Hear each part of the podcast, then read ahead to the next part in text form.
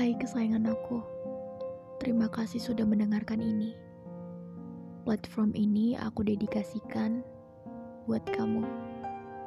Dan aku berterima kasih karena kamu sudah mau menemani aku selama 365 hari lamanya. Terima kasih ya, sudah mau sama aku dan sudah mau bertahan. Selamat hari jadi yang ke satu tahun. Aku sangat mencintaimu.